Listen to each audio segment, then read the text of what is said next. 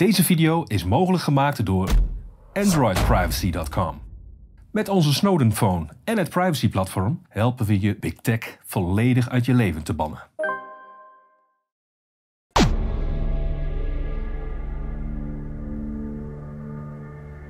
Welkom bij Café Weltschmerz in samenwerking met uh, Video Waarheid. Vanavond hebben wij weer het Weekjournaal samen met Jeroen. Hi. Willem, hi. Ja, we hebben weer een uh, fantastische week met ongelooflijk veel nonsens. Uh, het is altijd de vraag hoeveel nonsens kan een mens verdragen. Dus laten we maar eens We hebben echt een selectie doen. moeten maken Precies. over de, de meest in het oog springende items. Ja. Dus laten we maar gelijk uh, weer beginnen. Uh, speciale commissie gaat adviseren over maatschappelijke gevolgen coronaregels. Dat is goed nieuws, hè, want komt naast het OMT komt er nog een commissie die ook adviezen gaat uh, produceren. Wat, uh, wat, denk je daarvan? Ja, dit, dit, doet mij een beetje denken aan de commissie van goed gedrag. Want nu gaan ze het dus hebben niet meer over de medische dingen, maar meer over de psychologische, sociologische gedragingen.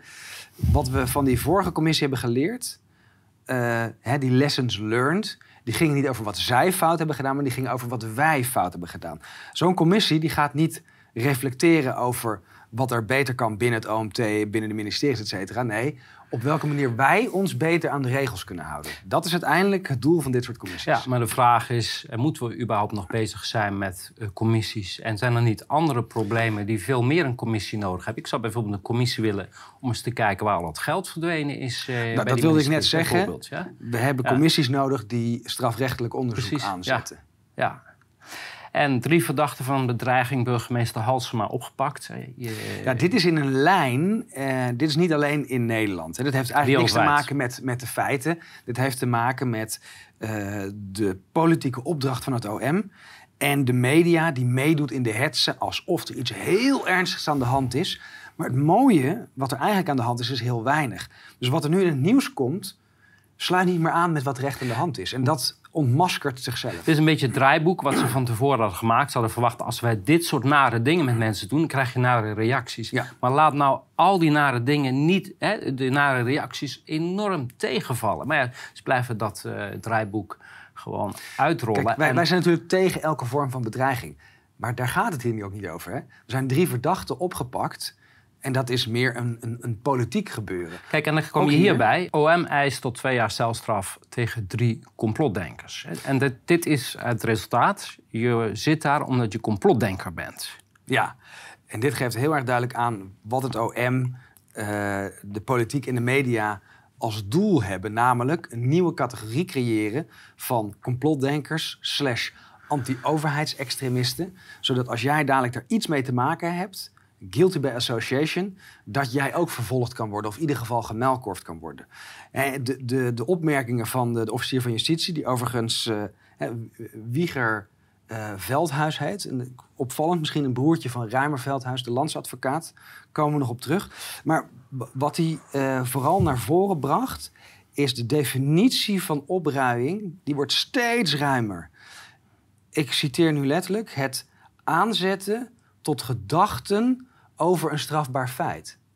Maar ja. nu zitten we dus in een gedachtepolitie. Dus als ik iets zeg wat bij jou de associatie opwekt van een strafbaar feit, je hoeft het alleen maar te denken, dat ja. maakt mij strafbaar. Ja, maar dit, je moet dit iets, in een iets groter geheel zien. Eh, wat we bij jou ook gezien hebben. De bedoeling was de zomer eventjes lekker mensen laten rusten. En we ruimen al die mensen die daar ja. denken kritiek te moeten hebben op de overheid, die ruimen even uit de weg. Het loopt niet zo lekker, want we zijn al midden in de zomer en er is nog niet heel veel uh, resultaat geboekt. Maar bij deze drie, let op hè, zij zitten niet alleen al een jaar in voorarrest. Ze hebben ook nog een schadevergoedingsclaim van 225.000 zijn ze veroordeeld. Ja, en daar was iets heel bijzonders aan, want die schadeclaim die is niet naar een natuurlijk persoon. Kan dat überhaupt? Eh, hoe bedoel je? Nou, ze moeten het betalen aan de gemeente. Ja, de gemeente heeft dat geëist omdat ze extra bewaking en zo moesten, in, uh, moesten instellen op de begraafplaats en noem maar op. Ja, knettergek dit, maar... En naast die schadeclaim werd in deze strafzaak, want dat is een civiele waar jij naar refereert, in deze strafzaak werd nog een keer een extra schadeclaim uh, geëist. En die moest proportioneel zijn met de hoeveelheid donaties die, de, die ze hadden ontvangen. Nou, en, ja, en... ja, kijk, wat dit laat zien is, als jij het waagt ja, hè, tegen, ons op, tegen ons op te nemen, wij vermorselen je. Hè, dit is het vermalen door het systeem. Ja. En dit is typisch iets wat de NCTV, waar de NCTV mee bezig is. Wat er ook wordt, werd geëist, hè, want sommigen zouden dan vrijkomen. eh, de, de eis van de onvoorwaardelijke straf is gelijk aan wat ze hebben gezeten. Maar, en dat is het trucje dat ze altijd doen, dan is er nog een voorwaardelijke straf. Waar ze dan eh, eh, eh, gedragsaanwijzingen bij Ze mogen ze niet meer uiten, ja. ze mogen zich niet meer uiten. Contactverbod, gebiedsverbod, noem maar op. Deze mensen, als ze zich daaraan zouden houden, zijn totaal Uitgeschakeld. rechteloos geworden. En eh, failliet. En failliet. Ja. Klokkenluider, ambtenaren geïntimideerd en op non-actief gesteld naar kritiek op omgevingswet. Ja, dit is heel typisch, Willem. Ehm, wat de afgelopen 10, 15 jaar gebeurd is. Al die organisaties, mensen met een moreel kompas, mensen die eh, zaken zuiver wilden houden, mensen die juridisch benaderden, die zijn allemaal uit die organisaties gedreven. Die hebben ze niet nodig. Het, de, de overheid bestaat nu uit de organisatie van eh, enerzijds eh, meelopers en anderzijds gewoon zware criminelen. Wat denk jij? Ja. Nou ja, er zit dus nog een derde categorie van oprechte mensen bij. Maar die heeft het heel erg zwaar. Als ze al naar voren stappen, dan, dan verliezen ze hun baan... of worden onder druk gezet of worden op een zijspoor gezet. Eh, alle bewijzen zijn er dat we te maken hebben met een interne criminele Een organisatie. zuivering. Hè? Dus een zuivering in de omgekeerde... Hè? Iedereen die niet crimineel is, Ja. moet eruit. Ja. En dan zie- kom je bij WOP-jurist die zegt... overheden houden bewust belangrijke documenten achter. Dat zie je het weer. Ja. Eh, Alleen dit al moet genoeg zijn voor een strafrechtelijk onderzoek. Want waarom houdt een overheid WOP-documenten achter? Dat is, dat, er is maar één uitleg voor. Dat is om hun misdaden te verhullen. En dan komen we bij de volgende. Senator opent meldpunt om te achterhalen of minister De Jonge liegt over nieuwe omgevingswet. Ja, gelieg en bedrieg, dat is wat onze De norm. overheid is. Hè? Het is Ja. een marketingorganisatie die onzin verkoopt. Ja. En daarbij ook regelmatig over de schreef gaat. Hè? Dus het is ook eh, misdadig wat ze doen. En dan weer, oud-privacyfunctionaris bij de overheid heerst... eh, bij de overheid heerst een cultuur van achterhouden. Nou, geniepig en achterbaks, dat is eh, de cultuur. Absoluut. Ja. Ehm, Dan gaan we weer naar de, de persiflages. Het, ook VVD en CDA erkennen dat er de stikstofcrisis niet kan worden opgelost zonder ingrijpende maatregelen. Welke vraag werd er dan gesteld? Di- dit, is, Ja. dit is zo suggestief, alleen al die kop. Die komt niet bij de, bij de journalist waarschijnlijk vandaan, maar bij eh, de NKC. een onverkoopbaar verhaal moet Ja. verkocht worden. Ja. Gelukkig zijn er ook veel kritische mensen, zelfs in de VVD. Dat is toch eh, de partij van eh, de meelopers. dat 51% dat hele stikstofverhaal te ver vindt gaan. Gelukkig worden ze, zoals het, eh, eh, de VVD de laatste tijd opereert, totaal genegeerd. Ze gaan gewoon door. Dit wordt eh, terzijde geschoven. Nou, ik vind dat het 51% is, dat zou eigenlijk het nieuws moeten zijn. Want dat is eigenlijk veel te weinig. Hè? Wat, hoe bestaat het? Ja, maar er is maar- een sterke voorselectie geweest. Ja. De VVD zijn nou niet de meest morele mensen. En dan komen we bij een andere politieke organisatie. Dat is namelijk het KNMI. En die presenteert nu een alarmistisch plaatje over stikstofuitstoot in Nederland. Ik ken KNMI als een organisatie die vooral de, de climate change eh, proble- problemen propageert. En dus ook eh, stikstof. Eh, wat, wat denk jij hiervan? Nou, dat politiseren van dit soort gremia of, of organisaties, dat is al veel langer gaande. En door deze hele COVID-crisis is het echt naar, goed naar voren gekomen. Het CBS is een politbureau geworden, de KNMI, het RIVM. Er blijft eigenlijk niks meer over. Maar- de, de wetenschap is totaal verkracht door de- het beleid. De hamvraag is, houden ze zich ook nog bezig met het weer voorspellen? Even. Geen idee. En dan de TU Delft, die komt met het bericht dat 70% van de stikstofdepositie van de luchtvaart, die wordt niet meegeteld. Die laten we buiten beschouwing. Ja, en dit laat weer zien. eh, overigens, eh, hè, opnieuw een kritisch eh, rapport uit Delft. De- dat, is, dat is lovenswaardig. Ehm, maar dit laat zien, er moet een verhaal verteld worden. Dit is desinformatie in de zuiverste Oh, zin van het woord. Precies. Desinformatie is niet informatie die niet waar is. Desinformatie is informatie die het narratief niet ondersteunt. Dit ondersteunt het narratief niet. Dus de stikstofdepositie van de luchtvaart mag niet worden meegenomen. Want het stikstofverhaal gaat erover om de boeren te onteigenen. Ja, en dat lukt natuurlijk niet als je met feiten komt. Nee, want dan zou je eh, Schiphol moeten sluiten. En dan, dit is de, ja, dit is de speld. Ja, dit is eigenlijk allemaal de speld. Hè? Ja. GroenLinks en PvdA, PvdA stemmen in met een gezamenlijke Eerste Kamerfractie. Vuist tegen dit rechtse kabinet. Volgens mij... Het is puur toneelspel. Ik wil mensen verwijzen naar de laatste slide van onze uitzending van dinsdag. Ehm, toen lieten we zien dat uit die WOP-stukken de PvdA en GroenLinks al lang akkoord hadden gegeven voor de spoedwet. Dus dit is allemaal voor de bühne. GroenLinks en PvdA zitten al in de regering. Maar eh, hoe is het ook een rechtskabinet? Ik bedoel, het is nog net... eh, we gaan richting de Khmer Rouge zo'n beetje lang eh, met dit kabinet. Absoluut. En Abu Talib eh, hield ook een rapport tegen wegens eh, verkiezingen. Ja, ook een, Nu snap ik waarom hij die prijs burgemeester van de wereld of burgemeester van het jaar heeft gewonnen. Omdat hij dus niet te beroerd is om misdaden af te dekken. Ehm, ja, ik, ik, Abu Talib is natuurlijk... eh, die zit ook bij de... World? Economic Forum en de, Ja, precies, de- ja. wat was het nou, de, de Global Ministry of Mayors. Daar Ja. zit hij ook bij. Ja, dat is dus eigenlijk hij, zit, hij zit daar heel diep in. Ja, Ehm, ik denk dat het een hele vriendelijke man is hoor. Het is helemaal niet om, eh, om iets negatiefs te zeggen over de persoon Abu Talib. Het gaat hier over de functionaris Abu Talib die overduidelijk corrupt is. Hè? Alleen dat hij moeten heeft- we even heel duidelijk zeggen. hij, heeft zijn eh speldje niet op vandaag, Ja. die foto. En dit is een eh, excuusbrief van Mark Rutte. Wat gebeurt er nou als je vermalen wordt door het systeem? Hè, en dan ligt er een hoopje bedorven gehakt, blijft er van je over.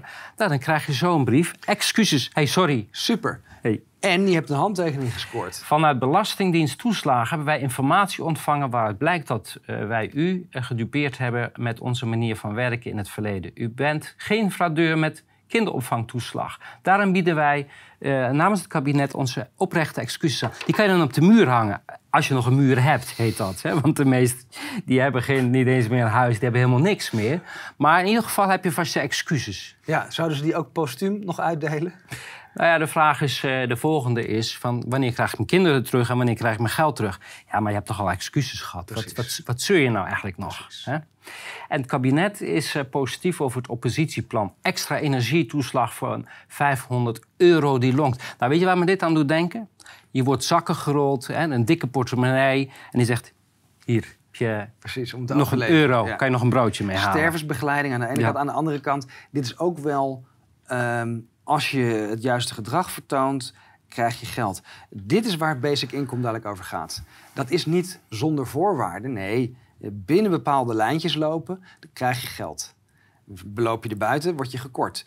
Eh, Dit is, en we komen dadelijk op agenda 2030. We moeten eerst iedereen diep in de schulden drukken en dan zijn ze totaal En dan geef je een, stuurbaar. eh, dan, dan, dan, dan gooi je een aalmoes toe, een fooi gooi je toe. En dan zijn ze blij daarmee. En D66, ja, ik, Paternotte, die zegt strenge optreden eh, politie bij boerenprotest.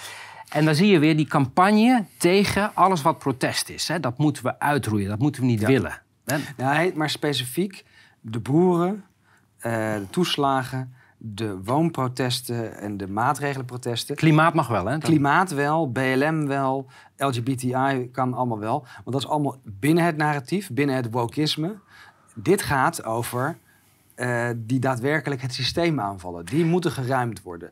Wat Paternotte hier eigenlijk zegt, en het filmpje is erg grappig, waar hij op terecht eh, even op zijn plaats wordt gezet van, nou, maar er is niks strafbaars. Dus als je ons vraagt om iets te doen, kunnen wij niks doen. Gaan we het in een andere uitzending over hebben, dat ze daadwerkelijk natuurlijk heel veel doen. Maar volgens de wet is er niks mis mee. En dat zeggen we altijd al. Je mag, mag- gewoon demonstreren bij een ambtsdraad. Als jij bij het Huis van Kaag wilt demonstreren, mag, Mag dat. dat. En dat heeft de minister eh, gezegd. Hè. Dus ik doe nu volgens mij een definitie eh, niet aan opruiming. Ik herhaal wat de minister gezegd heeft. Ja. Je mag gewoon daar demonstreren. En, en hij zei daarbij van, ik vind het, eh, ik vind het walgelijk of Ja. moreel deplorabel. Nou, dat vind ik niet. Ik vind het wel onverstandig, omdat je daarmee dit soort discussies uitlokt.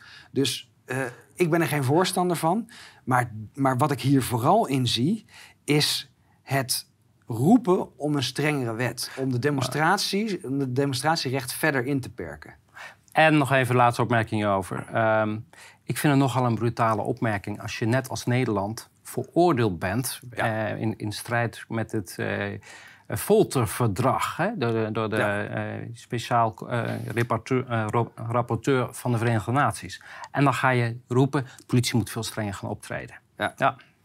Landbouwminister Staghouwer schrapt partijbezoek aan boer vanwege intimidatie. En zie je, zij worden als slachtoffer neergezet. Ja. Deze arme mensen die het beste met Nederland voor hebben. En die kunnen nergens meer naartoe. Die kunnen niet eens meer op werkbezoek. Bij, eh, Maar je zou hem ook andersom kunnen lezen. Eh, die boer is geïntimideerd door de landbouwminister. En daardoor wordt het bezoek geschrapt. Dat zou natuurlijk ook kunnen. Dat hij niet meer met zijn eh, stalker wil spreken, die boer. Waarschijnlijk. En de nationale politie heeft een autonome korpsbeheerder nodig. En dat schrijft Jacques Wallach. Voor mensen die een goed geheugen hebben, hij was een eh, PvdA-prominent eh, jaren geleden. Maar dit vind ik een hele opvallende opmerking. Want die hele reorganisatie van de nationale politie... Kijk, we hadden allemaal aparte politiekorpsen, zelfstandige politiekorpsen met een korpsleider. Dus daar had je ook tegenspraken. Er waren korpsleiders die zeiden, ja, nou, maar dit gaan wij niet doen. Wat hebben ze gedaan? Die hele tegenspraak hebben ze weggehaald door het te centraliseren naar één topcrimineel die de hele organisatie eh, runt. En dan zeg je, we hebben een autonome korpsbeheerder. Nee, de politie is een politieke organisatie. Ja. Niet meer dan En, dat. en het gaat dus niet over het depolitiseren. Die centralisatie die is gedaan om het meer politiek te maken. De enige manier hoe je er tegen kan gaan is weer decentraal. Hoe een cosmopolitische elite vanuit internationale kantoren het overheidsbeleid dicteert. Willem.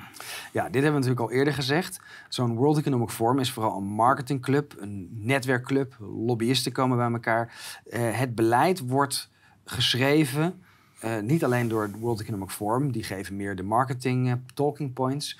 Maar dan moet je ook vooral denken aan de NGO's, aan eh, de grote eh consultancyfirma's. Eh, we hebben dat gezien in Nederland is KPMG vooral betrokken bij het beleid. McKinsey. En McKinsey in Frankrijk. En zo zie je dat, dat die een cruciale rol spelen voor wat er moet gebeuren. Een andere tak, daar komen we nog een keer een andere uitzending over te spreken, is natuurlijk via de inlichtingendiensten.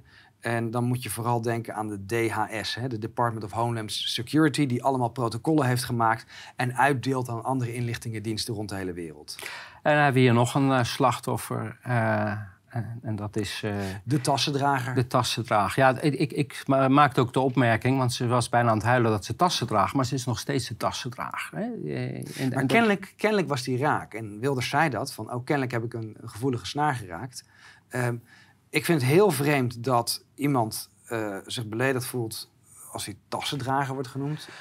Maar- en het is feitelijk waar, dus er wordt alleen maar een feit verkondigd.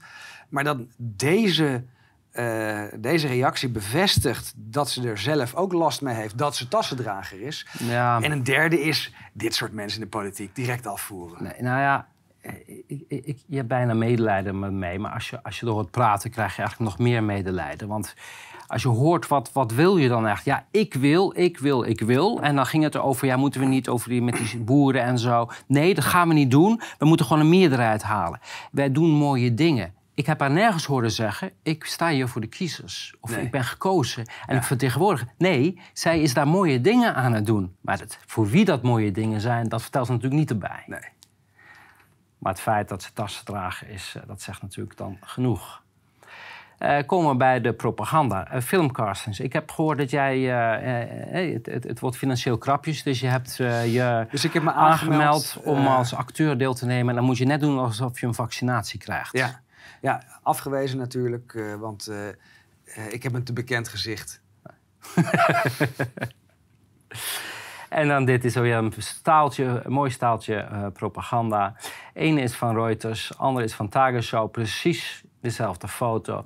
Bij de ene gaat het over een Oekraïnische artillerie-inslag. en bij de andere gaat het over de, een Russische inslag. Welke is het nou? Want ik vind, ik heb, ik vind moeite heb ik met kiezen. Of hangt het er vanaf wat je overtuiging is? Mag je Het is, het is van wat is het verhaal vandaag? Daar gaat het eigenlijk over. Dat bepaalt wat het nieuws is. Voor ieder wat wil, zeg Voor maar. Dan kun, je, dan kun je altijd eh, volwaardig met elkaar discussiëren.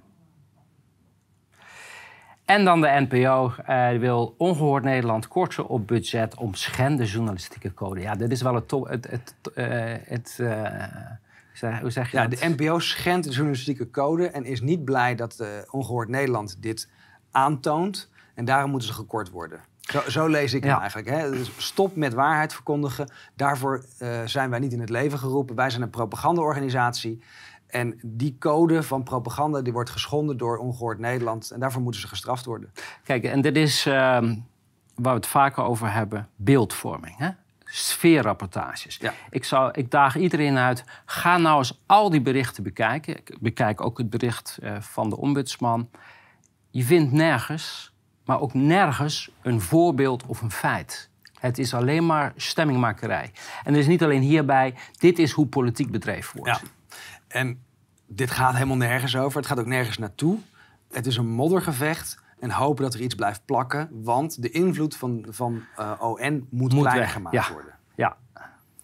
En dan eh, de Rolling Stones eh, worden afgelast op het laatste moment. Want Mick Jagger is positief. Verschrikkelijk zeg. Wat, maar ik heb wel met hem te doen een beetje. Eh, Ja, zeker omdat hij al een paar spuitjes had en dan toch nog positief. Ja. Wie er ook positief is getest, een andere geriatrisch patiënt, is Anthony Fauci. Anthony Ja. Fauci, ondanks dat hij altijd drie dubbele mondkapjes draagt en al vier prikken achter de kiezen heeft, is toch positief getest. Maar anders was het wel veel erger geweest hoor, dus gelukkig. Maar wat ik hierin zie is primen weer. Ja. Hè? We, moeten, dit is weer, we moeten dit weer normaal gaan vinden. Dat je laat testen. En als je dan positief test, dat je dan eh, thuis blijft. En dat Ja, en, en ook de amplificatiefactor van als bekende mensen positief getest wordt, dat, dat, dat staat ongeveer gelijk aan 10.000 onbekende mensen. Als dit in het nieuws komt, denken Ja. mensen er is weer een uitbraak. Ja. Maar dan kijk je naar de cijfers en dan zie je dat er niks aan de hand En het is. is een beetje eh, opwarmen voor de nieuwe lockdown straks. En de groei van de Nederlandse economie, die valt dus stil door Russische agressie en energieprijs. Ja, het, het Het is eh, ongelooflijk. En dit staat gewoon op de nos. ja, het heeft niks te maken met het bijdrukken van eh, duizenden miljarden. Of Eh, de, de sancties die wij Rusland opleggen, die vooral onszelf raken. Ja. Eh, toezichthouder coronavaccins leiden niet tot uitblijven van menstruatie. Nou, eindelijk een keer een eh, bericht van trouw, wat gewoon waar is. Ja, want, je de krijgt bijna permanente je hebt permanente menstruatie. menstruatie, dus dan blijft hij niet uit. Dus daar is geen woord van gelogen. Ja. En zo wordt Zelensky neergezet als een soort god. Ja, een verrassend stuk, Willem, in de Telegraaf. Ja, hier en daar zijn ze af en toe kritisch. En dit hadden we ook al voorspeld. Hè. Die, die, die houdbaarheid van de Oekraïnse oorlog die is drie maanden geldig. We zien ook dat de Russen eh, op het punt staan een totale overwinning te boeken. Eh, dus nu moet er een exitverhaal worden gecreëerd. En eh, Zelensky zal dadelijk onder de bus worden gegooid, ongetwijfeld. Dit is een prachtige Ja. tekening uit de Prachtig tijdschrift natuurlijk. Eh, Ja. Heel, ja, heel eh, pakkend neergezet in één beeld. Als je kritisch bent, ben je fascist. En dit doet me heel erg denken aan Bush Jr. Eh, als je niet met ons bent, ben je tegen ons. Ja. Dit, dit, dit conformisme, dat is wat we in brede zin bedoelen met fascisme. Hè? Dus dat, dat, dat verschillende mannetje is zelf de fascist. Ja. Komen we bij internationaal. Eh, ja, America's frontline doctor Simone Gold gets prison time. Nou, dat, waar we het net al over hadden. Het is knettergek, want als je dit een beetje volgt... ze proberen hier weer eh, van niks iets te maken. Nou ja, er is wel wat aan de hand.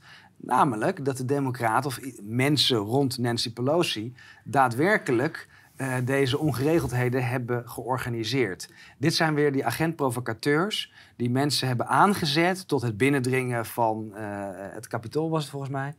Eh, en dat daar nu een vals vlek van wordt gebruikt. Dat werd toen al gebruikt. En nu zijn ze bezig met eh, de kritische opruimen. Net zoals dat het hier in Nederland gebeurt. We zien dat er heel veel mensen voor opruiming of bedreiging zogenaamd eh, worden veroordeeld of aangeklaagd. Eh, in Amerika hebben ze deze 6 januari aange- aangegrepen om mensen te knechten. Ja, deze vond ik ook, die kwam ik ook ergens tegen. Zweden die exporteert nu ook wapens naar de Oekraïne. Eh, met de bekende handleiding van IKEA. Hoe moet je ze gebruiken? Ja. En dit is een, eh, van de clown eh, uit Duitsland. Professor Karl Lauterbach noemt hij zichzelf. En hij tweet dat er is een goed bericht voor de ouders. Breaking news. Dat is namelijk eh, in de Verenigde Staten is nu de vaccinatie voor eh, onder de vijf jaar met Moderna en BioNTech toegelaten. Dus nu kunnen ouders eindelijk ook onder de vijf jaar hun kinderen laten prikken. We gaan dadelijk in het medisch gedeelte nog even in op hoe dat in is toegelaten. Dat dat tegen alle Ja. regels is. Maar dit, dit is sectarisch gedrag. Hè? Dit is een hele monofocus. Het doet er niet meer toe of die prikjes schaden of dat ze werken. Het is fantastisch. Iedereen moet geprikt worden. Dit is echt een prikfetish. En dat hij dat met kleine kinderen heeft, daar krijg ik een ongemakkelijk gevoel van. Ja, en nu uh, Paul Ehrlich Instituut, uh, dat is, uh, die, die houden in Duitsland de meldingen bij van bijwerkingen van vaccinaties. En die komen nu naar buiten dat er onder de kinderen 9 doden en 1208 zware bijwerkingen gehad hebben van die prik. Ja. ehm, Dus hij zet, die Lauterbach, die zet letterlijk...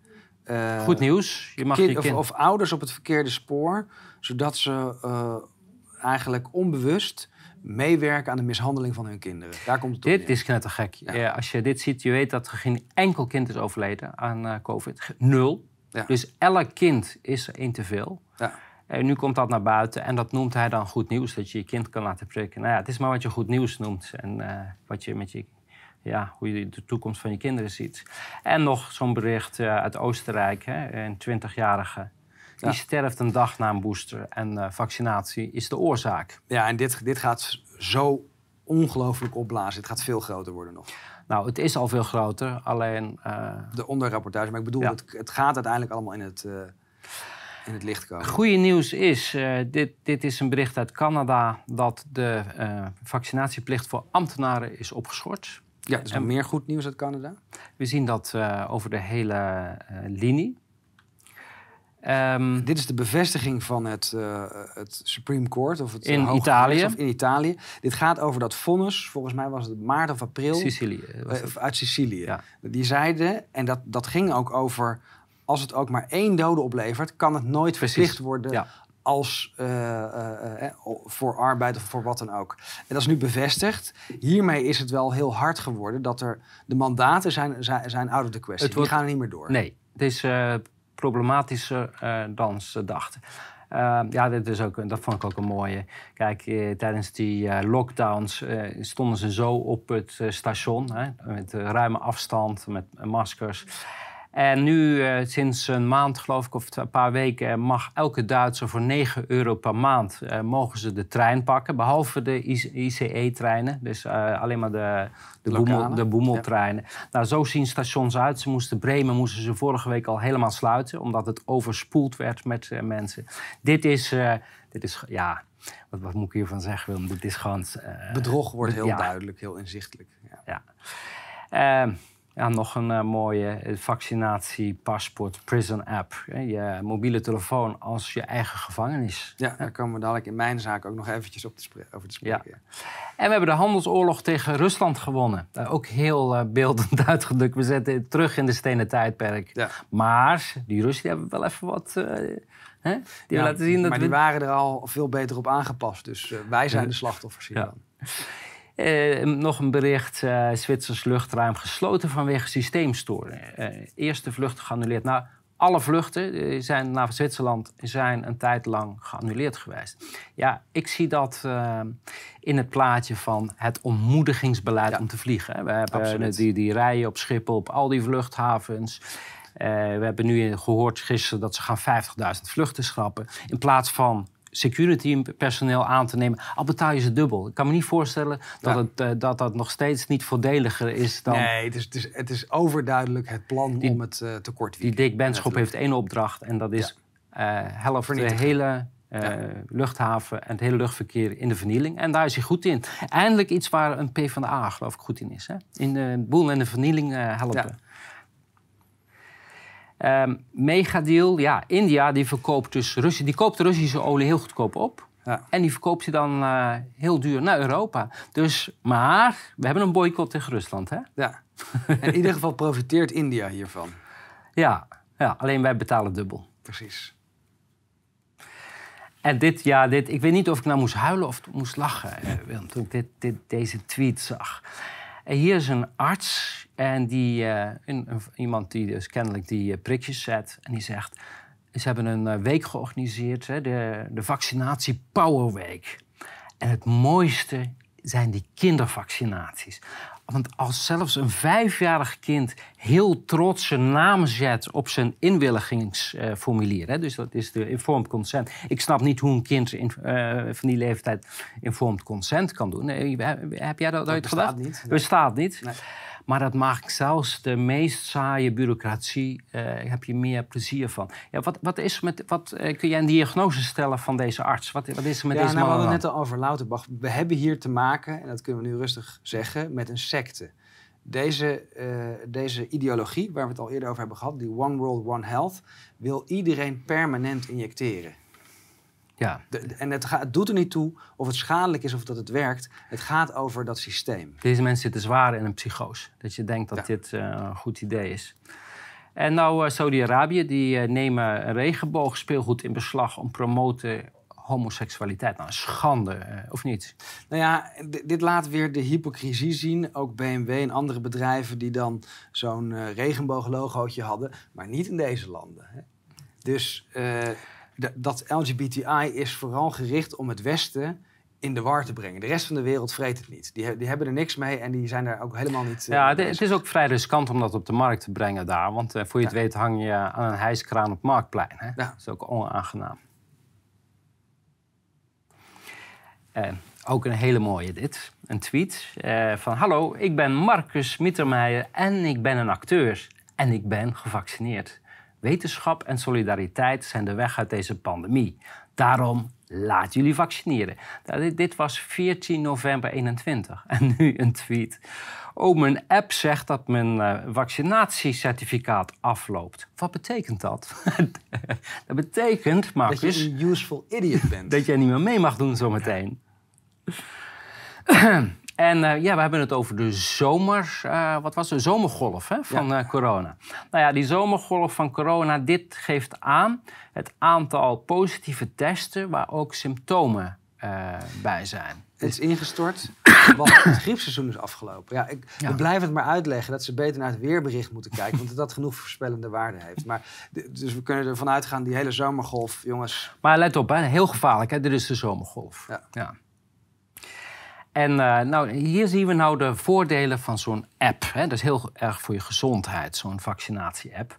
Want in China hebben ze, eh, ontstonden protesten nadat de banken stopten met geld uitbetalen. Nou ja, het is een teken aan de wand. Ga- Gaat hier ook straks gebeuren. Maar wat doe je dan? dan zet je gewoon het vinkje op rood, Ja. een rood kruisje. En zo kun bescherm je die meer- mensen tegen zichzelf. Ja. Hè? Zo zijn ze veilig en zo ze zijn niet we meer demonstreren. en zo zijn we allemaal veilig. Ja. En ehm, oh ja, nog nieuws uit eh, Ottawa. Ehm, ook een einde voor de vaccinatieplicht voor lokale reizen eh, op, eh, met Ja, per lucht en trein. reizen, dus en internationaal. outbound. Dus ja, wat, wat is hier aan de hand? Ehm, nou, je, je ziet toch dat ze aan het harmoniseren zijn. Waarschijnlijk in, in het najaar gaan die maatregelen weer vol in effect. Maar de druk is te groot. Trudeau is door zijn knieën gegaan. En eh, hopelijk wordt hij verwijderd. Maar dat, ik denk dat het daar nog te vroeg voor is. Als we het over lockdowns hebben. eh, er is een eh, onderzoekscommissie van het Duitse parlement. En die, dat is een onderzoekscommissie waar ook Drosten in zat. Maar Drosten is, geloof ik, anderhalve maand geleden is hij opgestapt. Hij wilde er niks meer mee te maken hebben. Nou, nou weten we waarom. Ja. Want deze commissie heeft geconcludeerd... er is geen enkel bewijs dat de lockdowns ook maar iets gedaan hebben. Ja. Nou, goed nieuws, denk ik. Want eh, als... eh, lessons learned, zou je zeggen. Dus geen nieuwe lockdowns. Maar hé, hey, minister Kuipers sluit nieuwe lockdown niet, eh, down niet uit. Ja, maar dat heeft, en dat vind ik flauw dat je het erin zet. Kijk, Kuipers, niet iedereen weet dat, maar die leidt aan een hele zware vorm van dyscalculie. Dus als hij zo'n rapport leest, dan snapt hij niks van die cijfers. Hij heeft waarschijnlijk conclusie getrokken, parlementaire commissie, lockdowns. Oké, nou ja, dan Ja. moeten wij dat in Nederland ook doen. Ja, maar laten we het nog even op een rijtje zetten. Er, er zijn moties geweest. Laten we nou eens kijken naar de effectiviteit. Laten we dat onderzoeken. Laten, eh, eh, laten we het eh, evalueren. Hoe was dat nou, die lockdowns? Wat deden die nou? De Kamer heeft allemaal gezegd, nee, doen we niet.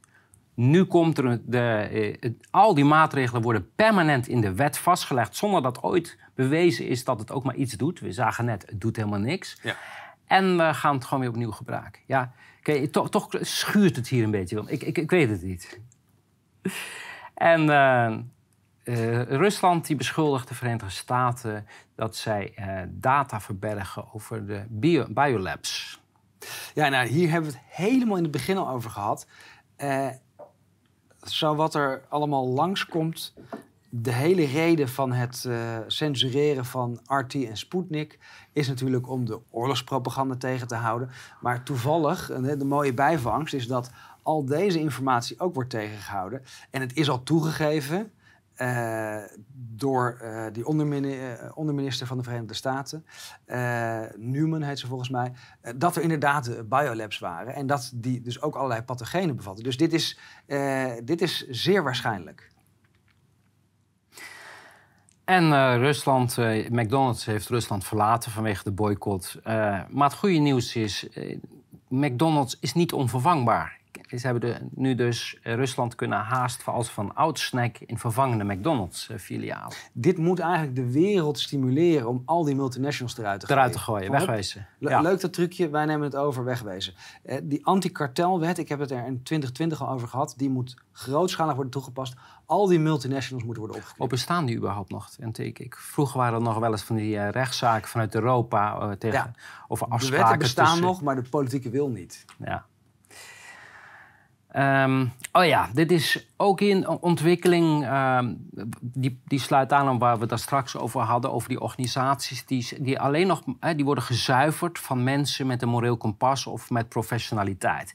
Uh, die ene gaat over de Welt. Hè, dat is een. Uh, zowel een tijdschrift als een. Uh, ze, hebben ook, ze maken ook televisieuitzendingen. Daar hebben de, de wetenschapsredacteuren hebben hun ontslag ingediend en zijn per 1 augustus weg. Datzelfde gebeurt bij Süddeutsche Zeitung. Dat was vroeger echt een kwaliteitskrant. Inmiddels uh, is het net zo'n propagandablad als alle andere. Maar ook daar hebben alle topjournalisten hebben het schip verlaten. En dit is goed en slecht nieuws. Het goede nieuws is natuurlijk dat er nog kennelijk wel mensen zaten met een moreel kompas. Ja. Slechte nieuws is dat deze organisaties niet meer zijn dan een, een verzameling van uh, corrupte. Precies, dit gaat uh, over propaganda. Maar het mooie is, op het moment dat de, de tegenkrachten verdwijnen, dan wordt het een hele vlakke, eendimensionale organisatie waarmee het eigenlijk een soort Sovjet-propaganda wordt. Hè, waar, waar je ziet de Pravda. Van, er gewoon een hele grote precies. verzameling met allemaal Pravda-klanten. Ja. Zelfde inhoud, eh, verschillende koppen. Eh, verschillende... Nou, als we het dan over Sovjet hebben... 20, uh, agenda 2030, ja. ja. robots voor de personeelstekorten. Handig. Ja, zeker. Ja. Wat, wat, wat, een crisis allemaal voor mogelijkheden oplevert. Ja, dan hoeven die 50.000 vluchten ook niet meer te, te schrappen, toch? En dan, de wereld heeft zich nog nooit zo diep in de schulden gestoken. En daar dreigen we bijna aan te bezwijken. Nou, hier hebben we het net al even over gehad. Op macro- en microniveau. Dit is het plan om totale controle uit te oefenen. Er wordt zoveel geld bijgedrukt dat iedereen dadelijk bezwijkt onder de schuldenlast. Dan moet er geschakeld worden naar een nieuw systeem. En dat is dan die central bank digital currency, waarbij je credits krijgt. Het, zijn, het, zijn, het is geen echte waarde meer, het zijn gehoorzaamheidspunten. Ja, het is dus een, uh, een middel uh, tot compliance, hè? zowel op, voor de staten als voor het individu. Als jij een uh, hypotheek hebt, je hebt schulden, nou, dan ben je makkelijk te manipuleren. Want we schrappen je schulden als jij maar doet wat wij zeggen. Precies. En de inlichtingendiensten moeten grote bak data uh, burgers uh, verwijderen. Ja, het is wel grappig, want uh, mijn broer die heeft een inzageverzoek gedaan, de AVG en de WPG. die heeft er antwoord op gekregen. Het is bevestigd. Er is een vergaarbak bij de politie viruswaarheid, waar hij in stond, waar allerlei nummerborden ook in stonden. je hebt recht op vergetelheid. Hè? Dus hij heeft, zes maanden was er geen registratie meer van hem, dus zouden ze het allemaal vernietigen heeft hij het nog een keer gecheckt. Het is verplaatst naar een nieuwe vergadering. Ja, maar verwijderen betekent niet vernietigen, Willem. Er zit een verschil in die term. Hè? Precies. Want, eh, dat is... Want verwijderen is weghalen Precies. uit de huidige opslag maar ze kunnen hem verplaatsen naar Mensen denken dat verwijderen betekent dat je het ja. uh, vernietigt. Maar het is, het is echt iets anders. Het scheiden van de gegevens en de gegevensdrager. Destijds met de Belastingdienst, dat schandaal. Hè, toen er is een enorm schandaal, het parlement, noem maar op, uh, is daar discussies over geweest. Die zwarte lijsten van de Belastingdienst, weet je ja. Die zijn ook verwijderd, maar die zijn, die zijn ondergebracht bij Driek. Ja. Dus die zijn nooit verdwenen. Precies. Die staan nog steeds. De overheid die vernietigt geen gegevens. Die verzamelen gegevens. Ja. Um, Mastercard, die zit ook heel diep in. Die agenda zit ook bij Kijk, de web. facial recognition, dat is handig. Ja, lekker, Dan kan je gewoon met je gezicht betalen. Ja, wat, of niet. Ja, precies. Ja. Ah, als je, hè, als je, je moet niet demonstreren, want dan doet hij het niet meer. Precies. En eh, BioNTech Sahin, wees voorbereid op het feit dat we altijd boostervaccinaties nodig hebben. Kijk, dat is nou mooi, hè? dat je advies aanneemt van iemand die, Die leeft miljardair van is van, ge- voor, van boosters. geworden. Ja, Ja. Eh, maar hij is wel eerlijk, want dit is gewoon een pilaar van het nieuwe systeem. We gaan hier niet van loskomen totdat we het stoppen. gewoon iedere maand even je, je mouw opstropen en klaar voor de volgende. In Duitsland, eh één op de zes Duitsers, die slaan een maaltijd over op dit moment vanwege geldgebrek. Het gaat echt heel hard hè? en ze verwachten dat dat aantal verdubbelt in de komende paar maanden. Eh, het rijke Westen is uh, zometeen het arme, het verarmen. het arme Dus Westen. We liggen wel op schema dat het een eerlijke. Het wordt eerlijk. Hè? We hebben geen, er is geen armoede meer, want we zijn namelijk al, armoede kan alleen maar bestaan als ook een eh, rijk. Ja, eh, ja er is eh, natuurlijk wel een elite die nog. Ja, maar die tellen niet meer. vlees Die, dat is een aparte categorie. Hè? Die, Ja. eh, die, die tellen niet mee. Ja. En experts wantrouwend over app voor Europese digitale identiteit. Ja, opmerkelijk, voorzichtig positief. Ehm, waar dit meestal toe leidt, is een inlegvelletje. Hè?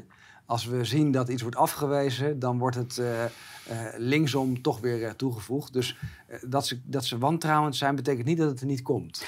Nou, positieve vind ik dat het is niet ongezien en ongemerkt ingevoerd. Hè? Dus de schijnwerpers zijn opgericht, we hebben er ook veel aandacht aan besteed, anderen ook. En ik heb goede hoop dat het niet zomaar zonder hort of stoten ingevoerd wordt. Dat ze moeten ons echt helemaal arm maken voordat we hierin meegaan. Ja. Dus, en dan hebben we nog een eh, griezel, eh, mevrouw Christine eh, Lagarde. En dit is een uitspraak uit 2018. Ja. En wat zegt zij? Ze zegt, de ouderen die leven zo verschrikkelijk lang... en dat is echt een risico voor de globale economie. We moeten iets doen, en wel nu. Ah. 2018. Wat handig dat deze ziekte vooral de ouderen treft. hè? Ja, maar wat ik met mijn eerste vraag is... waarom heeft zij zich nog niet laten euthanaseren? Want Ja. volgens mij valt zij ook in die Maar categorie. de, alle Soros's, Kissingers, eh, Bidens, Pelosi's... die zitten allemaal eh, rond de 80 of, eh, of ouder. Maar die vallen kennelijk niet in die categorie. Nee, ze, ze, beschouwen zichzelf als een... Ja, nou, iets eh, hè, verontrustbarend. De temperatuur op Antarctica schijnt te dalen. Dus ja, we moeten vrezen dadelijk dat sommige routes niet meer bevaarbaar zijn... omdat het water te laag staat. Ja, gelo- ik eh, zag dat er nog nooit zoveel ijs is geweest als, eh, Ja. als nu. Dus we, eh, ik denk dat ze het wel een marketingprobleem hebben op dit moment... met de opwarming van de aarde. Ja, het, het, hè, dus de, de global warming, daar hebben ze het eigenlijk niet meer over. Ze hebben het over climate change en extreme weather. Want dit verhaal is gevallen. En het, wordt, het zal steeds moeilijker worden om hier nog wat van te brouwen. Ehm, wat verwacht jij? Krijgen we in juli weer overstromingen in Limburg? Of zouden ze dat niet meer aandurven? Ehm, ja, ik weet het niet eh, of ze... Want er is een enorm ziekteverzuim. Mhm. Dus ik weet niet of ze dat redden om, om dat nog te organiseren. hebben ze te weinig sluiswachters die de Waarschijnlijk. poortjes opendraaien? Ja, Ja, ja. dat zou kunnen. Medisch komen nu.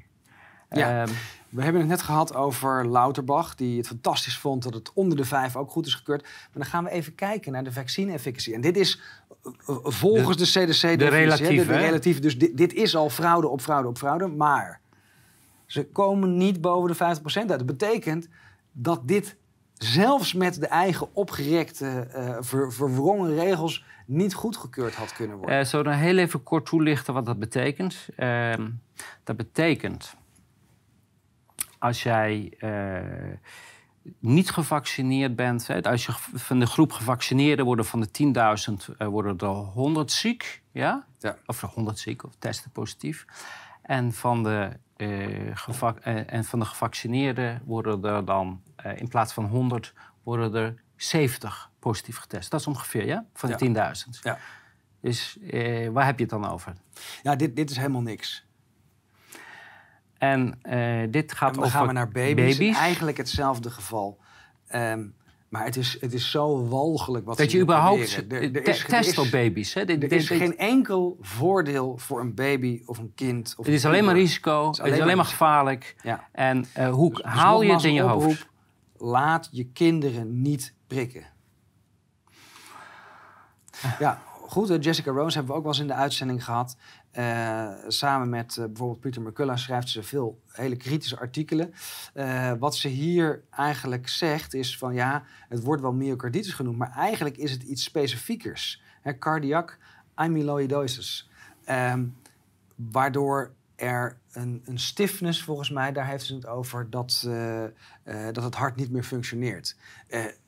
Eh, is dat myocarditis? Eh, hè, want myocarditis is eigenlijk de ontsteking van de hartspier.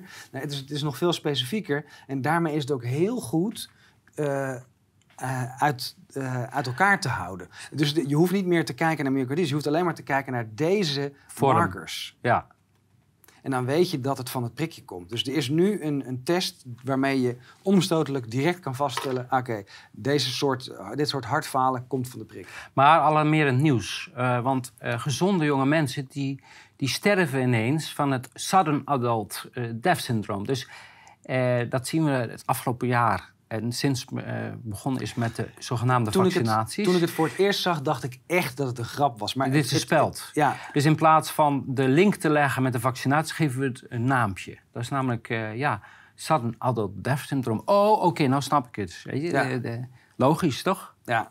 ja, het is echt knettergek. Eh, ja, een mysterious syndrome. Maar hoe mysterious syndrome is dat? Of zou jij, denk ja, jij dat als je... je het- dus niet naar de prikjes kijkt, dan, dan kan ik me voorstellen dat het heel mysterieus is. Want dan kan je dus geen oorzaak vinden. Nee, je kan ook geen overeenkomsten vinden. Hoe kan dat nou? Hè? Ja. En eh, de vaccins werken. Hè? Justin Bieber had een verlamd gezicht en zijn vrouw een beroerte. Maar eh, die, dat, ik geloof die Bell's palsy had hè? Ehm, Daar lijkt het op, ja. Dus Eh, dat een- is, ja, maar hij heeft het niet van het vaccin, hoor. hij heeft het van een eh, virus, eh, zegt hij. En dan voormalig AZ-prof Stefan Loon is plotseling overleden. Ja, Dus- dat, dat is weer dat sudden adult death syndrome. ja, Heel vreemd. Het is plotseling. Eh, we hebben gedefinieerd dat het niet aan het prikken kan liggen, maar we kunnen geen enkele oorzaak vinden. Ehm, oh ja, in de Verenigde Staten waarschijnlijk 2,9 miljoen extra gehandicapt door de prik. Ja, en dat zijn natuurlijk hele schrikbarende cijfers. Je ziet ook echt een hele hard, hardstijgende trend van, eh, eh, vanaf het begin van de prikcampagne. En dat hebben we in Duitsland ook al gezien. Het zijn juist de eh, verzekeringsmaatschappijen die dit allemaal moeten Ja. vergoeden, die aan de bel trekken en zeggen: ja, maar hiermee gaan we failliet. Ja, Ook weer een mooi staaltje van hoe ze eh, frauderen. En het gaat ook eigenlijk in hetzelfde beeld van de sfeerrapportage. Dit is een, een, een wetenschappelijke publicatie. Rechts zien we de waning. de van afname dus de van... afname van de antibody titers. Eh, in het begin van de injectie is het nog niet. En dan na een tijdje, en daarom hebben ze die twee of die vier weken gezegd. Maar wat er eigenlijk aan de hand is, als je links kijkt, dat is de lineaire schaal. Dat zijn de, dat zijn de absolute cijfers, zeg maar. En dan zie je dat na zes maanden het weg is. Dus deze prikjes zijn mislukt. Het is niet zo dat het een beetje afneemt, het is weg. Het, het, het- dus ze werken niet, dus dan is het belangrijk dat we in, het, eh, in de herfst kijk- al, nog eentje nemen, denk ik. ergens mogen we blij zijn dat de afname zo sterk is. Eh, want het toxisch effect is dus ook niet oneindig lang. Ehm, toch ben ik bang dat als je immuunsysteem zes maanden eigenlijk eh, ont- ontregeld is, dat je binnen die zes maanden allerlei klachten kan krijgen, eh auto-immuunziektes kan ontwikkelen, eh, kankervormen kan krijgen. Dus eh, nogmaals onze stellige oproep van wacht nog even een tien jaar ongeveer totdat alle effecten bekend zijn. Nog een bijwerking. Pijnlijke zenuwaandoening heeft mogelijk te maken met vaccinatie. Ja, ik ken een paar mensen in mijn eigen omgeving. Ja. Die hebben onverklaarbare, enorme helse pijnen. En eh, bij, in de ziekenhuizen eh, kunnen ze niks vinden. Maar op het moment dat je noemt dat dat misschien een verband is met die vaccinatie... nee, eh, sturen ze je gelijk weg, willen ze niks meer horen. Ja, ja het, is, het is schandalig en dit gaat een enorme stroom van, van schadeclaims worden.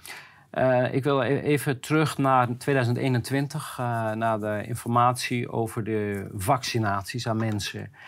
Wat zei men toen? Eh, er zijn geen eh, bijwerkingen, alleen maar een beetje pijn op de plek, eh, een hoofdpijntje, een beetje moe en spierpijn en een beetje koorts. Maar als je een aspirintje neemt, komt alles weer goed. Dus dat is misschien het advies die we aan de vaccinatieslachtoffers kunnen Ja. geven.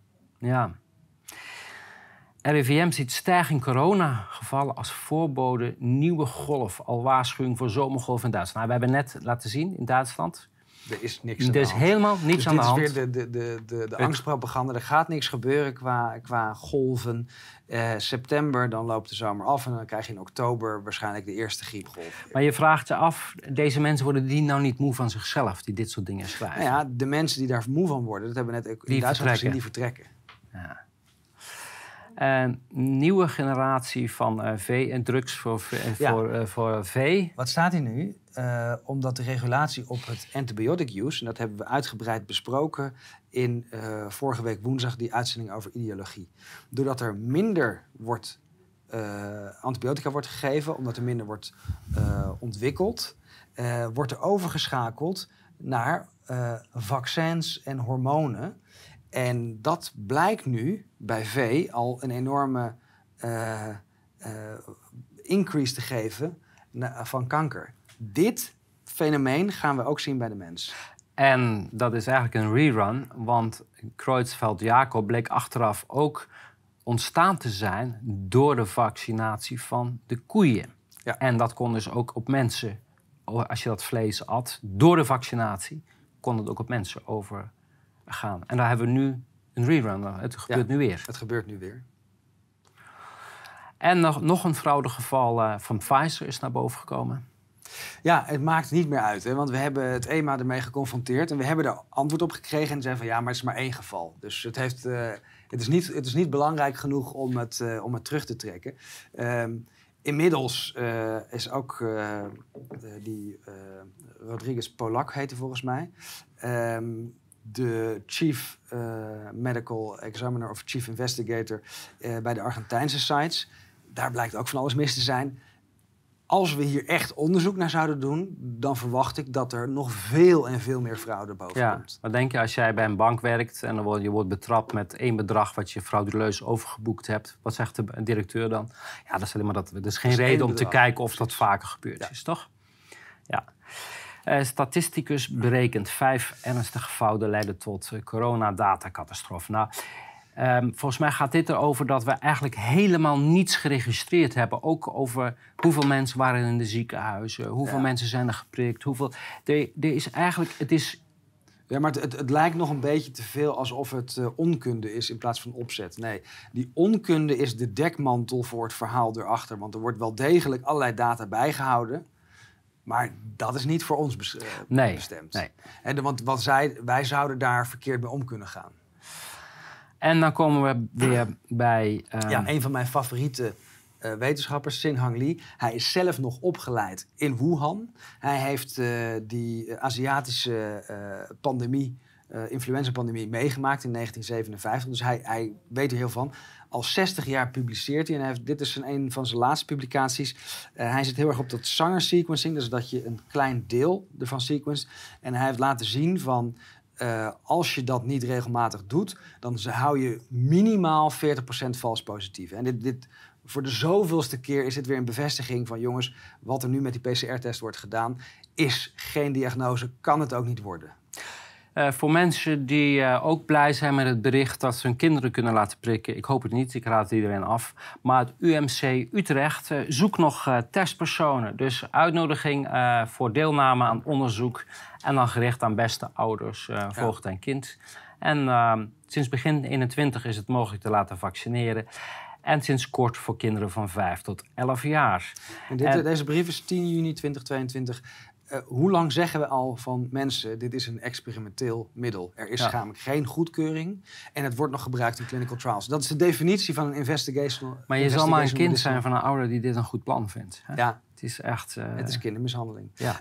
Ook een interessant artikel. We, struinen door die WOP-stukken.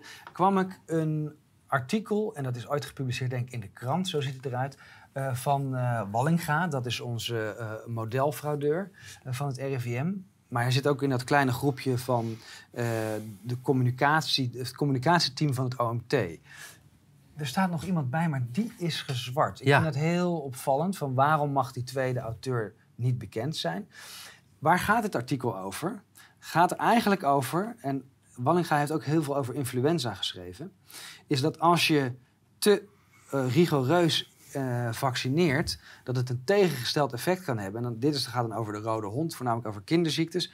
Dan eh, druk je die ziektes weg en verdwijnt de natuurlijke groepsimmuniteit uit de populatie. En zou het een veel heftiger effect kunnen hebben, omdat kinderen eh, dan niet bloot zijn gesteld aan deze ziektes. En dit, dit geeft eigenlijk al aan de waanzin van het Het, is al lang, het staat al lang vast, al lang maar we gaan gewoon door waar Ja. we mee bezig zijn. Alsof al die eh, wetenschap die we niet gebruiken, die, Ja. die schuiven opzij. En dit sluit aan bij eh, dat artikel van Ja. net. En je vraagt, waar komen in één keer al die virusziektes vandaan? En, eh, Nou ja, dit, dit geeft heel veel autisme, diabetes, astma, allergieën, eczeem, auto-immuunziektes. Eh, daar is Kanker. een explosieve stijging in gekomen sinds dat er zoveel wordt geïnjecteerd met vaccins. En we hebben net dat artikel gezien van de veeteelt, waarin het is bevestigd. Ehm, voor deze hele coronacrisis was ik helemaal niet zo kritisch op vaccins. Ik zou er nu geen enkele meer nemen. Nee. Ik, ik ben echt mijn eh, geloof. Want ik denk dat het in sommige gevallen nuttig zou kunnen zijn. Maar ik ben zo wantrouwig geworden van een industrie die over lijken gaat. Letterlijk gesproken. Ja. Om die prikjes er maar in te kunnen duwen. ehm, dit is een ehm, e-mailbericht eh, wat aan jou gericht was, volgens mij. Ja, ehm eh, dankjewel voor het e-mailbericht. Eh, ik weet niet of we het met naam mochten zetten, dus ik heb even die naam eraf gehaald. Maar dit gaat over dat wij long covid zouden bagatelliseren. Nou, dat was niet de strekking van wat wij eh, daarmee bedoelden. Long covid is nu een verzamelterm geworden voor mensen die, die vermoeidheidsklachten hebben. En dat is iets wat echt bestaat. Hè? Dat, dat zagen we ook al bij influenza. Eh, als mensen eh, pech hebben, dan kan een infectie iets triggeren. Het Epstein-Barr-virus bijvoorbeeld, dan krijg je Pfeiffer-achtige klachten, dat soort dingen. Dus er is een groepje, maar dat is een kleine minderheid van de mensen die nu long-covid heten, die daadwerkelijk fysieke klachten hebben. Ehm, het, tegenovergestelde is eigenlijk waar. Het regime met de propagandakanalen noemen alles long-covid, terwijl er hele specifieke verschillende groepen zijn. Namelijk een groep die pech heeft en een activatie van een bepaald virus heeft door, eh, door infectie, maar dus ook door injectie. En een hele grote groep die leidt aan eh, depressiestoornissen, aan burn-out eh, verschijnselen door de maatregelen. Komen bij Boeren- het boerenprotest. Ja, gemeente Den Haag wil dat Rijk boeren eh, in tractoren tegenhoudt op de snelweg.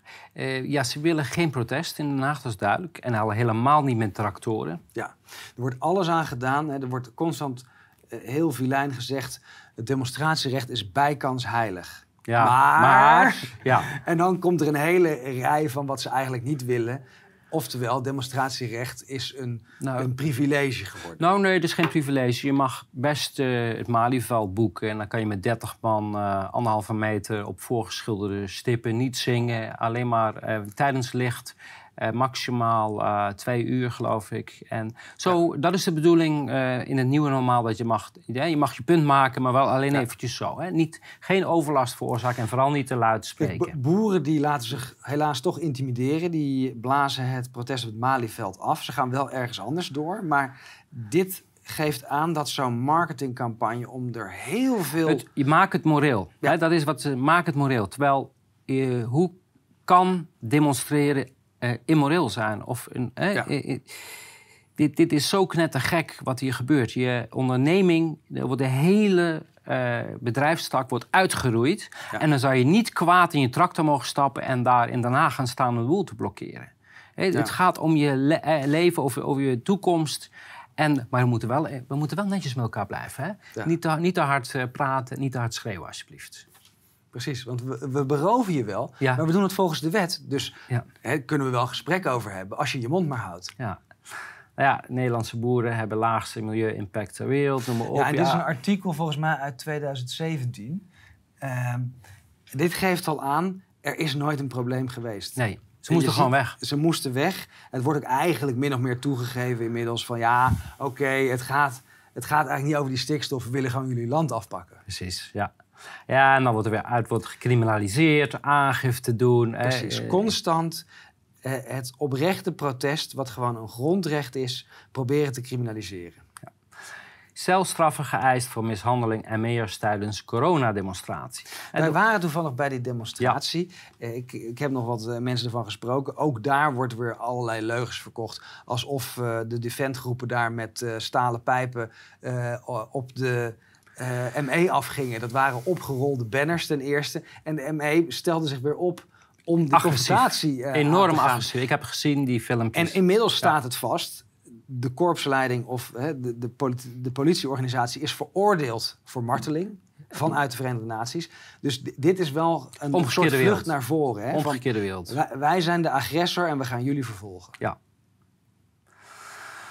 Eh, een, een tweet van Caroline van der Plas.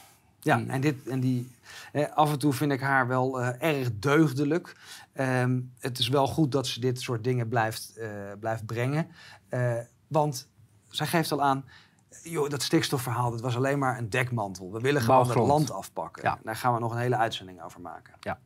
komen we bij juridisch. Ja, dit was een WOP-verzoek uit, eh, van de Mexicaanse griep uit 2009. Een rerun, eh, precies dezelfde. Overigens is dat, daarover geprocedeerd destijds.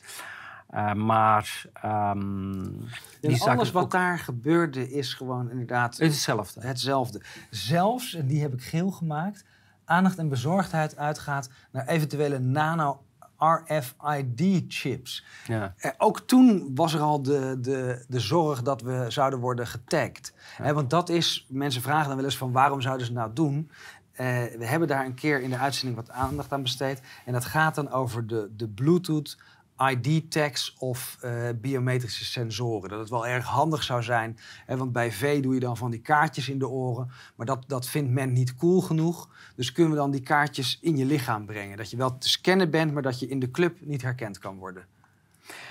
Eh, dit is een artikel uit Taxi Pro. Eh, Amsterdamse TTO's winnen rechtszaak tegen gemeente eh, bij het college van beroep voor het bedrijfsleven. Gefeliciteerd. Je hebt hier heel veel werk in, in gestopt. Dit is een gevecht van jaren geweest. en het was een gevecht tegen Sharon Dijksma. Die had daar de opdracht om de straattaxis uit te roeien. Dus hoe doe je dat? Eh, Uber geeft je vrij spel. Die mochten doen en laten wat ze wilden. En als ze dan al een overtreding maakten, bijvoorbeeld ergens stopten waar je niet mag stoppen, krijg je een boete van eh, 100 euro. Als een taxi, een officiële straattaxi dat deed, dan was het three strikes out. Eerste keer, eh, geloof ik, een eh, waarschuwing. Tweede keer een week eh, schorsing. Derde keer, eh, ik, ik, ik zeg het even uit mijn hoofd, maar zo ongeveer was het, die ladder. Moest je helemaal eruit gegooid worden. Dus dan verloor je je hele inkomen, je hele mogelijkheid om nog geld te verdienen. En wij, eh, ik heb toen een aantal taxiorganisaties ben ik bij gaan staan. We hebben, ik geloof, zes, zeven zaken gevoerd.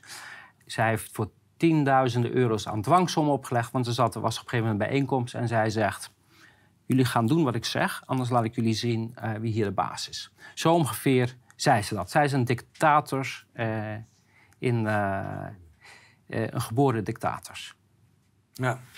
Maar eh, de strijd is eindelijk eh, beslecht. En er is een paar weken terug uitspraak gedaan. En Ja, en dat is, dat is van belang. Van de aanhouder wint. Dit heeft jaren gekost. Maar Ja. we moeten dit soort dictators blijven Ja, bestrijden. en ook dit is gewoon 2030 agenda. Hè? Ja. Dus er moet een branche uit ten, ten gunste van Ubers. Overigens, eh, Uber en die heeft heel veel contacten met de gemeente Amsterdam ook. De massa-aangifte gaan we nog even eh, doornemen. Ja. is, eh, Heel opvallend natuurlijk. Ehm, Hugo de Jonge eh, heeft zo opzichtig de regels gebroken met achterhouden van informatie, mondkapjesdeal. Dus dat er geen strafrechtelijk onderzoek naar hem loopt, dat is onbestaanbaar. Deze ging specifiek over het, eh, de, de dwang, de belaging, de intimidatie, de groepsbelediging, het haatzaaien en het discrimineren. Maar het mooie is, eh, wat zeggen ze nou? Er is geen sprake geweest van discriminatie. Want Ja. eh, discriminatie, ehm, dat heeft alleen maar te maken... eh, Als het een identificeerbare groep is, volgens bepaalde criteria, dat is levensovertuiging. En daar zijn ze dan op. ras of... eh, eh, ras, nationaliteit, levensovertuiging, seks, eh, leeftijd, Ma- geaardheid. maar ze vergeten er eentje. En andere categorieën. Is, en die En ze vergeten... gaan wel in op de levensovertuiging. En het mooie daarbij is dat ze het EHRM aanhalen. En daar staat heel duidelijk... eh, Juist. Mag niet. Simpel. Je mag ook niet iemand op zijn medische status Er zijn gaan twee eh, eh, zaken, of vonnissen gewezen. Eén versus Griekenland en één versus Rusland. Die heel specifiek over die medische Het ging status over. HIV. Het ging over HIV. Dus eh, ja, dit is eh, artikel 12 en die wordt zeker gewonnen. Ze zitten nu helemaal Ja, klem. dit vond ik ook heel mooi. Een lijst met 70.000 namen. Maar zij zijn dat gaan onderzoeken. En ze komen er uiteindelijk op neer dat het 50.000 zouden zijn. Of zo. Ik heb, eh, maar komen allemaal namen voor. Eh, dat is namelijk Mark Rutte, Teddy Baudet, Anus Piemelbijter, Hendrikus Vaginalus, Geertje Wilders, Mussert en Adolf Hitler. En hij gaat ervan uit dat het valse namen zijn. Ja, maar eh, ik vind het, kijk, sommige kan ik me nog wel iets bij voorstellen. Maar eh, Mark Rutte, hoezo zou hij dit niet ondertekenen? Ja. En, eh, en dan, maar het grappige is, het is gaan echt een hele bladzijde wijden ze aan het aantal eh, de, de mensen die het getekend heeft. Toch blijven er nog, geloof ik, 50.000 over of zo volgens hun tellingen. Maar dan zeggen ze, maakt helemaal niet uit hoeveel mensen erachter... eh, Voor de beoordeling van de aangifte maakt helemaal niet uit door hoeveel mensen het ondersteund werd. Trouwens, bij jouw aangifte maakt het volgens mij wel uit. Nou, uiteindelijk hebben ze er ook gezegd, het geldt als één aangifte.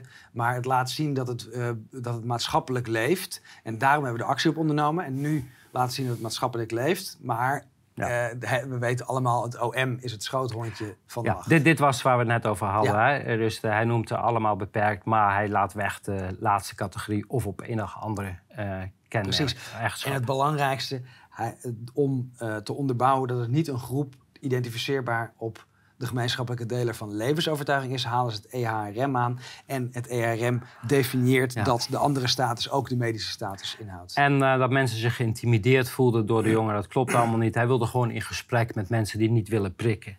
Hij wil gewoon eh, twijfelaars in gesprek. Ja, overigens, deze, dit CIPO is ook geschreven door eh eh, Zwinkels zelf. Hè? Ja, Dat ja opvallend. zit middenin Ja. en die eh, moet alle eh, vieze klusjes... Ja. Dus artikel 12 zal worden gestart. Ehm, en ik denk dat de artikel 137 C en D, hè, dus groepsbelediging en haatzaaien, daar zijn Wilders en Rutte ook al voor veroordeeld. Dus die acht ik zeer kansrijk. Nog eentje op de valreep. Hè, die kwam net binnen. Ja.